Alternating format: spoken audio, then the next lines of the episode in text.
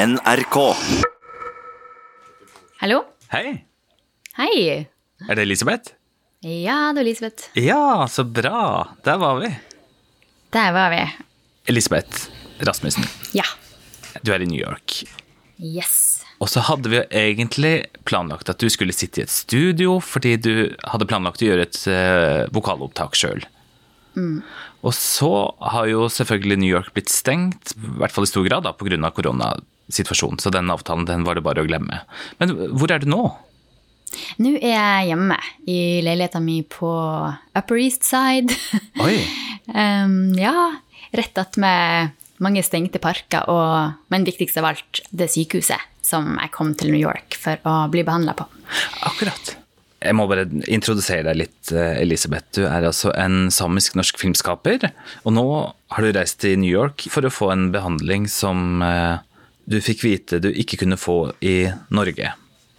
Ja. Det kan vi komme tilbake til, da. Men aller først, hvordan preges New York av, av denne koronasituasjonen? Hvordan, hvordan har det endra seg? Jeg husker første gang jeg var i New York, var når jeg var her og viste filmen min på en festival i 2013. Og da var det jo yrende liv og rooftop parties og veldig sosialt. Og nå er det jo, altså det er jo den rake motsetninga. Det er jo ingen i gaten. Alle kafeer, restauranter nattklubber er stengt. Og det er stille og frisk luft. Du ser mye flere fugler um, og ekorn i gaten enn mennesker. Så det er jo ganske rart. Virkelig ikke det jeg forbinder med New York. Nei. Men nå ser det ut som han har tatt eh, Moder Jord har sendt oss alle i husarrest på rommet for å tenke over hva vi har gjort. Hvis, jeg vet ikke, en måte å se det på. Hvordan ble du interessert i film? Um, altså egentlig så var det fordi jeg bodde i Barcelona og gikk på musikkonservatoriet der. Eh, derfor snakka jeg spansk, jeg lærte meg spansk. Um, og så, men så var jeg hjemme i jula. På juleferie var det i 2003 eller noe sånt. 2002, nei, kanskje enda tidligere. Og um, så var det min gode venninne Marit Garfjell, som du kanskje kjenner, eh, som jobber i NRK Troms nå, men da var hun eh, involvert med Troms internasjonale filmfestival. Og da skulle det komme en eh, regissør fra Argentina som bare snakka spansk. Så jeg ble da ansatt som tolk i uke for han. Oh, ja. Den filmen var utrolig nydelig, og gjennom hvordan han klarte å, å bære historien, og hvordan den var klipt, så tenkte jeg Jeg ble bare helt, ble helt bitt av basillen og tenkte at det her må jeg òg gjøre. Så begynte jeg også å lage film. Yes. Så eh, gjorde jeg en, bestemte meg etter hvert for å gjøre en mastergrad i media og kommunikasjon i London. Og da var det en gang jeg var, eh, jeg var lost. Jeg var akkurat kommet til London, og jeg fant ikke fram. Og så kom det en hjemløs mann opp til meg og spurte om jeg, om jeg var lost, liksom. Og eh, så sa jeg ja, og så spurte han Han sa bare yeah, I know London like my own back pocket. Liksom, where, where are you going? Og så fortalte han hvor jeg skulle. Og så tok han meg dit, og så sa han, ga han meg nummeret sitt, så sa han bare call me anytime if you need directions. og så når jeg da skulle gjøre masteroppgaven min, som da var eh, en dokumentar og en masteroppgave i sosiologi og media, så gjorde jeg oppgaven om de hjemløse i London og Det gatemagasinet. Ja. Eh, og lagde en film da som ble vist på noen veldig små, smale medium. Så gikk det liksom slag i slag til jeg en dag møtte en, en annen eh, hjemløs punker i London på et hjemløssenter hvor jeg var frivillig, og så lagde jeg en dokumentar om han som vi solgte til Netflix og viste rundt i hele verden. Så det var på en måte inngangen min inn i filmets verden. Det er mange veier til Rom. ja, mange veier til rom. Og den siste filmen du nevnte der, det, er en film som heter The Heart of Bruno Wizard, er det riktig? ja, det er riktig. Men han Bruno han viste seg å ha en fortid som punkrockstjerne, eller? Ja, altså stjerne og stjerne. I stjerne i undergrunn. Ja. Men han har, altså, her er en mann som, når han hadde tatt opp eh, musikk, så brente han alle mastertapene. Fordi han ville at hans musikk skulle være kunst. Og mens det var ulovlig å være homofil i England, så kalte han bandet sitt The Homosexuals. Um, altså det her er liksom eh, en mann som ikke ville samarbeide med noe som helst kommersielle krefter. Og så kjøpte jeg bare et kamera på eBay. Jeg hadde aldri filma før. Så bare var rundt med Rune og filma. Altså historien om han utspante seg også mens vi filma. Det var jo ikke klart for meg hva som kom til å skje når vi filma. Og så plutselig så fikk jeg mail fra noen i New York som hadde hørt om at filmen ble vist i London. Og så sa jeg ja, du kan, kan, kan gjerne prøve å få sette den opp i New York. Og plutselig så sto jeg på en takterrasse i Brooklyn på The White Hotel og hadde vist filmen min på Anthology Archives og sto med utsikt over Manhattan. Og så kom det en mann opp til meg som var arrangør av festivalen, men så viste seg også å være distributør, og sa Jeg, sto der og var liksom passe ru- berusa for champagne og livet og har visst filmen, og så han bare nei, nei, du forstår ikke, jeg vil kjøpe filmen din og vise den på Netflix. Jeg bare hæ? Han bare ja, ja, her er kontrakten, liksom. Og det øyeblikket gikk det opp for meg at ok, det her er faktisk en drøm som er gått i oppfyllelse. Eller den går i oppfyllelse akkurat nå. Yes. Og det øyeblikket var mm, et av de fineste i, i mitt liv på den måten. Ja. Og folk så den og, ja, og likte den. Så det, får, det er fortsatt liksom folk som skriver til meg og, og til han Bruno og sier at filmen betydde masse for dem, og de er altså, veldig glad for at jeg har lagd en film om hans liv. ja. Så jeg er veldig, jeg er veldig, veldig glad for det. Ah. Mm. Huh. Du, har du lagd noe um, om samisk tematikk? Jeg holder på. Jeg og de to søsknene mine, hun Sara Marielle og hun Risten Anine, har et eh, kunstprosjekt som heter OSSAS. Altså det er et eh, multiplattformprosjekt. Så det blir ikke bare musikk eller film, det blir en sånn crossover. Jeg tenker at det gjennom kunst og musikk kan være veldig masse forløsninger. Så jeg tenker at, at det er jo en, en veldig fin måte å ja, begynne å bli kjent med den kulturen på. I 2017 så tok livet ditt en uh, alvorlig vending. Ja. Hva, hva skjedde? Um, altså, jeg var, jeg var og reiste. Det var sånn, jeg husker sånn jetset-periode hvor jeg var, hadde vært i fram og tilbake fra Tromsø, London, Amsterdam, Berlin. Rett fra Berlin til LA. Uh, rett fra LA til London så kom jeg rett til Stavanger og skulle ha et foredrag. Så var jeg på et hotell i Stavanger med den norske filmbransje, og plutselig så kjente jeg en kul i det ene brystet mitt. da. Og trodde egentlig ikke det var noe, men jeg gikk nå til legen. Og um, noen måneder senere så ble jeg innkalt til mammografi. Og så tilbrakte jeg hele dagen på UNN. Jeg husker nesten ingenting. Jeg husker bare, jeg husker bare at jeg sa hæ, hæ, sier du at jeg har brystkreft? Og så sa hun ja, det ble sånn i dag. Eh, hvis du vil gå inn på det lille rommet og snakke med sykepleieren, så kan du det. Vi må fjerne brystet ditt, og du må gå på cellegift. Og jeg bare hæ? Altså, det var sånn, tenkte at det, det, må være en feil. Det går ikke. Så jeg stakk til London og um, var i fornektelse i et par uker før jeg da gikk til legen der og fikk en second opinion. For jeg hadde jo jeg var tilknyttet det systemet også, siden jeg hadde studert og jobbet der i noen år. Og dessverre så sa de jo akkurat samme der. Men jeg valgte å, å på en måte ikke si det til noen og bare holde meg i London og bare gjøre det veldig sånn hemmelig og low-key og bare håpe at det skulle bare gå bort. At jeg Ja. skulle bare kunne fortsette og dukke opp igjen når jeg var ferdig, liksom. Så du, du fortalte ikke til noen, eller? Altså Først så sa jeg det ikke engang til mamma. Hun mamma fant det ut av å åpne det på et brev. Eh, nei, fastlegen ringte og spurte om det var kommet et brev. Og så var jo ikke jeg hjemme da. Jeg var jo dratt til London. Og da åpna mamma det brevet som han da ville at hun skulle åpne, og da fant jo hun Så det var sånn, det var en total fornektelse. Jeg, tror, jeg var nok i sjokk. Mm, så jeg sa det til tror jeg, to venninner eller noe sånt, og hun ene kom eh, til London for å være lamme eh, under operasjonen. Ok, Så du ble, du ble operert i London eller i Norge? Mm, I London. Ja, riktig. Og hva, gikk det bra? Altså, det gikk jo bra. De sa jo at ja, nå er du kreftfri. Mm, så jeg tenkte ja, ok, fra å få diagnosen stilt tror jeg 14. juni til var det 17. september jeg ble, 2017 jeg ble operert. Og så litt utpå høsten så sa de at jeg var kreftfri. Jeg tenkte bare nei, nå er jeg ferdig, liksom. Ja. Så fortsatte jeg å jobbe, da. Ok, og, og levde som, som normalt og tok opp igjen din kjente tilværelse? Ja. Og så reiste jeg på Jeg var på Sommerøya og hadde et uh, kurs for filmbransjen om mingling og nett, nettverking. Men jeg begynte å føle meg litt dårlig. Jeg husker jeg, jeg klarte ikke helt å holde fokus under kursene som jeg holdt, og hadde ikke den energien. Og så dro jeg rett til Malaga på en filmfestival med en argentinsk koproduksjon. Og igjen på et hotell i dusjen så kjente jeg at det var noe galt. I det området rundt arret. Jeg kjente at det var, det var kule. Så sa de at ja, de kommer tilbake. Altså, da fikk de rundt meg, de få nære vennene som visste om det da, fikk meg inn på sykehuset veldig fort. Og så var det bare rett på Radiumhospitalet med cellegift. Og hele den greia der, det var det ett år som bare egentlig gikk som en sånn tåke.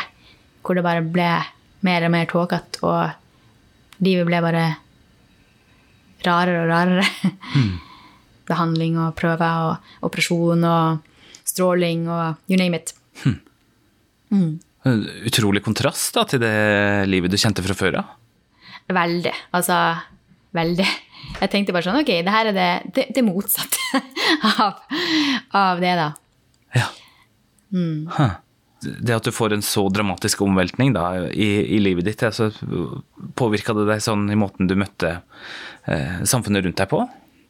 Ja, altså i den første perioden så gikk jeg jo fra å være en åpen og liksom sosial person til å bli ganske lukka og bare, bare la være å svare på meldinger og sånt. Men så var det vel i, altså i den perioden hvor jeg var, ble liggende veldig mye hjemme, og jeg jeg fikk en bok anbefalt av en venninne som heter The Power of Now, med forskjellige meditasjonsøvelser. Jeg lå veldig ofte i en slags sånn halvsøvn og så veldig masse scener fra livet mitt. Og begynte plutselig å skjønne liksom, å ja, men det henger sammen med det. Å se sammenhenger i ting som jeg aldri hadde sett før. Bare sånn overmannet sånn utrolig takknemlighet for det jeg har opplevd, og folkene i livet mitt, og altså livet generelt. Og jeg ble bare helt sånn Ja, altså rett og slett overmenn av lykke og kjærlighet i de tyngste stundene. Så det var som et vendepunktoperasjon som var i januar i 2018. Og da etter det så så jeg livet med nye øyne, ja. Mm. Mm. Hva var du takknemlig for, da? Alt. Takknemlig for å kunne gå ute. Takknemlig for å ha folk i livet som man bonder med og connecter med. Takknemlig for altså, alle reisene jeg har gjort. Takknemlig for familien. Takknemlig for opplevelser, både de gode og de dårlige, og mat og altså luft. Det å få puste ordentlig og få liksom, å kjenne, ha kontakt med kroppen sin når det begynte å komme tilbake. Å, herregud, så ufattelig deilig mm. å kunne gå ute og trekke inn frisk luft. Og jeg husker den første gangen jeg, jeg var i Tromsø i var det i mars 2018 og jeg insisterte på å gjennomføre. Det var bare tre innspillingsdager på vi skulle filme Nordlyset på den, den argentinske koproduksjonen som jeg gjorde. Og da hadde jeg hatt med parykk frem til da. Så jeg husker mamma tok den og vaska den, og så sa hun skal jeg ikke bare ta en liten glansvask og, og stusse de der. Det var jo veldig, sånn, veldig lite hår der, men det var i hvert fall begynt å komme litt. Mm. Så gikk jeg en tur alene i lysløypa og kjente liksom vind i håret.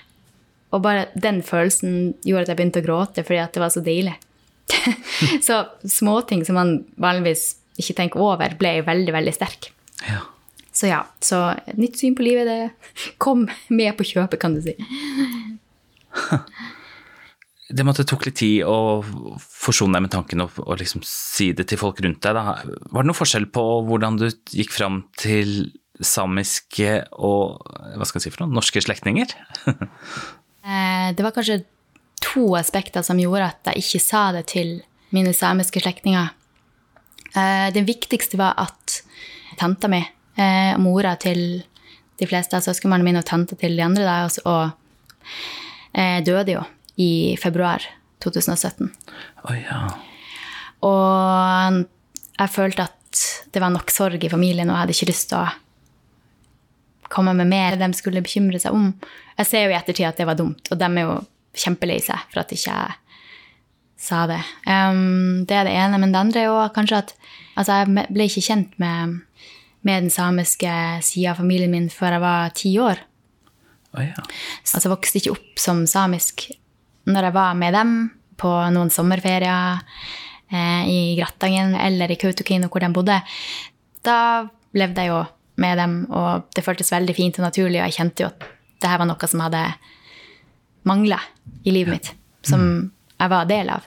Men samtidig, så når jeg ikke var det, så føltes det litt sånn Nesten som jeg Jeg følte meg skyldig for å si at jeg var samisk. Ja, jeg hadde jo ikke vokst opp med det begrepet i altså, de første årene. I 2018 og, og 2019 så har jeg blitt mye, mye nærmere eh, den delen og har gjennom hun Sara Marielle eh, Gaup så har jeg, som er søskenbarnet mitt, da, så har jeg fått um, høre veldig masse gamle joiker. Og hun har også lært meg å joike litt, og, og vi har snakka veldig mye om historie og slekt. Og jeg har fått føle at jeg kommer nærmere og nærmere, så det, det er absolutt en ting som steg for steg eh, blir mer komfortabel med å være i den rollen på min måte, da. Og, og ta den kulturen på min måte. Og ja. Men det er vanskelig. Hva har de sagt i etterkant? Altså På hvilken måte vil eh, slekta klare å absorbere på en måte enda en, eh, en vanskelig hendelse, da? Nei, altså, det er jo det som er, da. Er jo at alt er jo mye bedre når man kommuniserer og er åpen og er der for hverandre, uansett hva man sjøl går gjennom. Det første som skjedde når jeg sa det til dem, var jo at flere av søskenbarna mine kom hjem til meg og lagde mat og var der en hel dag, og vi bare snakka ut om alt. Og så, når det ble klart at de fantastiske vennene mine og familie klarte å få sendt meg til New York, så kom hun Sara Marielle med på Altså på én dag klarte hun å komme seg med på samme fly som meg, og var hos meg og tok vare på meg i en måned her i New York. Det er det familie gjør, og det er jo det, er det som er det fine å være del av en familie og ha sterke bånd med dem rundt seg. Så alt blir jo mye bedre når man åpner opp og lar folk være der for seg og kan være der for andre. Prøvde du igjen å normalisere livet, eller? Ja, ja. Jeg prøvde hele tida å holde liksom Jeg hadde alltid en hånd på noen prosjekter som jeg prøvde å liksom ikke gi helt slipp på. Og jeg hadde jo faktisk klart å få en, en ny produsent på et ganske stort dokumentarprosjekt, og vi hadde fått støtte fra Norsk Filminstitutt på liksom over en million, og det var liksom, skulle akkurat begynne å filme. og ja, Så 2020 var liksom året som jeg skulle gjøre comeback, da. Riktig. Og så fikk du en ny beskjed. Ja, eh, det var ganske ut av det blå, faktisk. Var, alle var helt sikre på at nå var, det, nå var det borte. Og etter to sånne rutinetester så sa de ja, ja, du er helt fin, det, det er ikke noe kreft. Og så var det nå i desember, så var det en rutinekontroll, og så fikk jeg bare beskjeden at var, Jeg var i Oslo da, og det var den legen i Oslo som ringte og sa at vi har funnet noe på den rutinekontrollen. Jeg husker jeg satt og akkurat ordna meg en kopp kaffe, det var tidlig på morgenen, og bare jeg satte liksom brødskiva i halsen. Du må komme inn på biopsi nå. Og så var jeg bare helt sånn Det her går ikke. Jeg kjente liksom alt blodet forsvant fra kroppen min, og jeg ringte til Eller venninna ringte meg tilfeldigvis, og og så sa jeg bare sånn, du, det her, jeg klarer ikke, jeg klarer ikke hvis det er noe nå. Så bare ta meg til Sveits og gjør det over, for jeg, jeg klarer ikke å gå gjennom det en gang til. Det går ikke, liksom. Og det er veldig dårlige prognoser når det kommer tilbake sånn. Det er jo stort sett alle døde innen noen måneder, liksom, på, med den diagnosen som de satte, da. Og så dro jeg til Tromsø.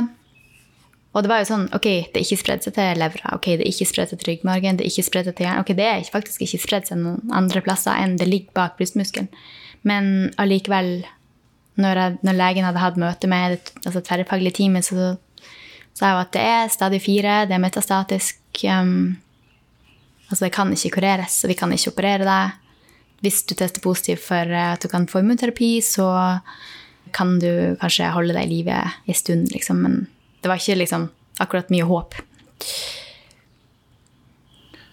Uh, ung kvinne. Ja, ja. Begynner å dra på årene. ikke helt ung, men, men ja. Men for ung til å, til å dø sånn, ja. Det syns jeg. Aksepterte du den beskjeden? Nei, altså fra den første samtalen fra Radiumhospitalet så hadde jo jeg vært omringa av folk hele tida. Alle vennene bare sånn OK, nei, det her ordner vi. vi finner, altså Uansett hva de sier, så finner vi løsning. Det her går ikke an. Helt fantastisk team av mine nærmeste. De sa uansett hva de sier, liksom bare Vi finner en løsning, og så jeg bestemte meg for å være åpen med flere, da. Folk bare kom med de mest fantastiske innspill og ideer og tips til hjelp og råd. Og basert på alt som kom inn fra nær og fjern i hele verden, satt der teamet av vennene mine seg rundt ned og bare begynte å gjøre research. Ok, det er den klinikken, det er de prognosene, det er det kostholdrådet, ok, ok, ok. Og så fant de denne klinikken da i USA, basert på råd som kom inn. Og så viste det seg å være en av verdens beste, og så satte de opp en kampanje. De klarte å samle inn nærmere én million kroner for å betale for min behandling. så ja, det, Men det visste vi jo ikke da. Altså, ble, de, altså, jeg ble jo bare liksom nærmest kasta på et fly på dagen til New York og bare 'du må bare dra', for da hadde de snakka med dem på Sloan Kettering her i New York, og de hadde sagt ja, ok, hun må komme, og vi må gjøre evaluering, liksom. Så ble det sånn, så jeg og Sara Marielle reiste. Ja, og familie òg, som spytta i betraktelige midler. Um, så, ble, så ble, det nok, og så kunne behandlinga starte. Så det var liksom sånn det skjedde. Kan ikke du si litt hva, hva slags arrangement var det som ble oppretta? Hva, hva var det folk gjorde for noe? For det første delte alle innlegget, og folk donerte. Men så var det jo helt fantastisk. Eh, igjen søskenbarnet mitt, horisten Anine, eh, og kollegaer i filmbransjen i Tromsø og tidligere Tromsø internasjonale filmfestival, de tromma sammen og, og skapte eh, konserter og utekinovisning av 'Ishavsblod', den filmen, og flere forskjellige artister som, som opptredde og bidro. Altså, folk strikka, og så ble det solgt strikka klær. Det var samiske kunstnere som lagde bilder som ble solgt, og altså Tilgi meg hvis jeg glemmer noe, for det er så mhm. mange detaljer. og jeg var ikke der. Men jeg har jo fått sett videoer og bilder fra alt, og det var helt utrolig. Uh, I tillegg så tok min tidligere kollega David Moen, som da var programsjef på Aurora Kino Fokus, hvor jeg var markedssjef i et vikariat for noen år siden. De hadde også en visning av den filmen, norske filmen 'Håp' til innsamling for meg. og eh, Kunstgalleriet i Tromsø både solgte andre sine bilder og skulpturer som kom fra København via noen bekjente av mamma der, og sine egne bilder. Hvis man ikke hadde sett det, så ville man aldri trodd liksom det. Og det føles, det føles, fortsatt veldig uvirkelig at det var meg det handla om. Ja. At de at de gjorde det for meg, og noen av dem har jeg aldri møtt. Ja, tenk det. Det viser jo litt om hvor gode folk kan være når det virkelig gjelder. Ja. Mm. Men eh, det offentlige, da? Har de spytta inn noe? Nei, altså Det her er jo Jeg vet ikke helt hvordan jeg skal gripe det an. Um, fordi legen som jeg snakka med på UNN i desember, hun sa at hvis det var noe som noen andre kunne gjøre, som de ikke kunne tilby i Norge, så skulle de betalt for det og sendt meg dit, så klart. Og så sa hun også svart på hvitt at det er helt umulig å operere. Det går ikke an å operere det her. Min lege i USA er liksom en av de mest fantastiske menneskene jeg har møtt. Hun ringte meg etter å ha fått svar på de fleste prøvene de hadde tatt da, og sa liksom I'm, I'm taking it out, liksom. du bare, ok, Men jeg trodde ikke det var mulig. Hun bare Yes, it's possible. Og så hadde jeg konsultasjon med kirurg. Og han bare Ja, ja, det der, det får vi til. Det, vi tar den ut. Du, eh, vi, vi kurerer deg, liksom. No, no worries. Så sa hun at gi meg nummeret til den norske legen, og så hører vi om de kan kanskje dekke operasjonen, i og med at de ikke kunne tilby det i Norge. Da. Og da fikk jeg tekstmelding fra UNN hvor det sto mm, kanskje vi kan operere deg likevel. Ja vel. Det er litt sånn Tør jeg å la meg operere noen som sa det var umulig å operere det? Jeg vet ikke. De er veldig veldig flinke på UNN, men jeg tror kanskje at Og altså, jeg har all ære til alle som har helsepersonell som har tatt vare på meg i Norge og London under alt. De har gjort alt de kunne, og med de ressursene midlene og utstyret de har. Men nå er det liksom ganske kritisk situasjon. Det kreves at nå er det the big guns eller ingenting. Jeg skulle veldig veldig ønske at vi slapp å ha en tidlig innsamling for å betale for operasjon nå, som kommer i tillegg til, til den behandlinga som blir gitt. Og jeg skulle ønske at den norske stat eh, og sykehuset kunne betale for den operasjonen. Ja, det skulle jeg ønske. Jeg, vet, jeg vet ikke hvordan jeg skal gripe den, rett og slett. Det kommer sikkert å ordne seg på en eller annen måte, men, men det er jo litt sånn en absurd situasjon å være i. Legen din, som er en av de beste i verden, sånn som det høres ut som da, er hun optimistisk med tanke på din situasjon? Ja, hun er veldig optimistisk. Hun sendte meg faktisk en tekstmelding. I'm sure we can cure you. Altså, hun er sånn Det er egentlig ikke spredning. Det er bare lokal reoccurrence. Og det er en stor forskjell. Det er en sånn liten klump rett bak brystmuskelen, og hun sier at hvis man får den minska og tar den ut, da er det ingenting i veien for at jeg kan bli helt frisk. Og det er jo det de går for her, da, å få meg frisk. Så hun regner med at om noen uker, sånn type måneds tid, er den så liten at de kan operere. Ja. Altså hun gir et veldig tilpassa behandling som er tilpassa meg, og jeg følges opp hele tida. Ingen har jo en fasit på sluttresultatet av det her. Du, Elisabeth, av og til så spiller vi jo musikk i programmet her, det er, ikke, det er langt, langt fra hver gang, men er det, en, er det en sang du gjerne ville hørt? Eh, ja, jeg liker veldig godt eh, Ajagas sin sang. um, Nå er det igjen min samiske uttale som dessverre jeg ikke fikk lære, men Goros Fatna sa Ja. Hvis du kan spille den, så hadde jeg blitt veldig glad. Det var Jeg husker når jeg hørte den, så fikk jeg veldig mye bilder inni meg, og det er en nydelig sang. Med Marielle sin nydelige stemme, så den vil jeg gjerne høre.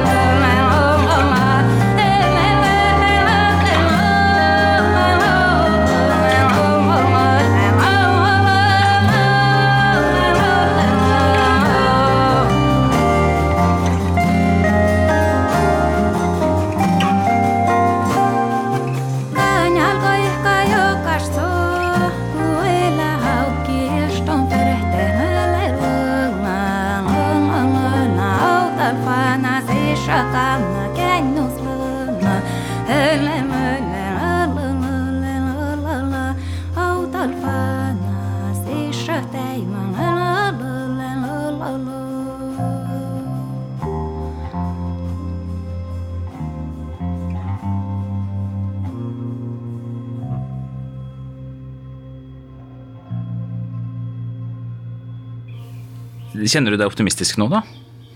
Ja, absolutt. Um, det gjør jeg. Altså, det går ikke an å ikke være optimistisk. Nei. Nei, det høres ikke ut som deg. Nei, jeg tenker nå, liksom, når, etter alt jeg har opplevd med alle Men det vil jeg jo si at det er jo, det er jo folk som har på en måte holdt meg oppe i det her. Og gjennom det så har de skapt en sånn trygg oase som jeg føler meg connecta med folk rundt meg som har gjort at jeg klarer å være så optimistisk. Det føles riktig å være her, selv hvor absurd det kanskje ser ut fra utsida. Og så er det sånne ting som at eh, altså legen her hun ga meg en lang liste over ting hun ville jeg skulle gjøre, og jeg tenkte ja, jeg skal gjøre alt hun sier. Og et av punktene var at hun insisterte på at jeg skulle få meg en hund. Ah, ja. Han er jo bare helt utrolig altså, En humørspreder og nydelig og får meg opp og ut, og vi går tur. Her om dagen var jeg i hundeparken her nede på East River. Og plutselig så ser jeg ei dame som kommer inn med en helt likedan hund. Trodde først det var min. Og så viser det seg at hundene kjenner hverandre, og de er søsken. De er fra samme adopsjonssenter og samme by. Og når vi da undersøkte, så viser det seg at ja, de er fra samme kull. De ble redda fra Tennessee for et år siden. Nei. Ja, så sånne ting som skjer, sånne rare tilfeldigheter som gjør at man føler seg hjemme, og at kanskje det er mening, og kanskje ting skjer for en grunn, og bare leve i øyeblikket og prøve å gjøre det beste Mm. ut av situasjonen. Ja, sant. Tanken på å gå i frisk luft oppe i Nord-Norge og være alene i fjellene er jo sånn Det er jo en drøm. Jeg kan ikke vente til å få oppleve det igjen. Får håpe du får oppleve det veldig snart. Ja, får håpe Altså, planen er jo at eh, jeg er ferdig med det her til sommeren. Så hvis man da kan begynne å reise, så får jeg vel begynne på en lang togreise mot båt og tog til Norge. Elisabeth Rasmussen, tusen takk for at du var med i Tett på. Ja, bare hyggelig. Anytime. Jeg heter Svein Lian. Tett på fra NRK Sápmi er produsert av 1 til 1 Media.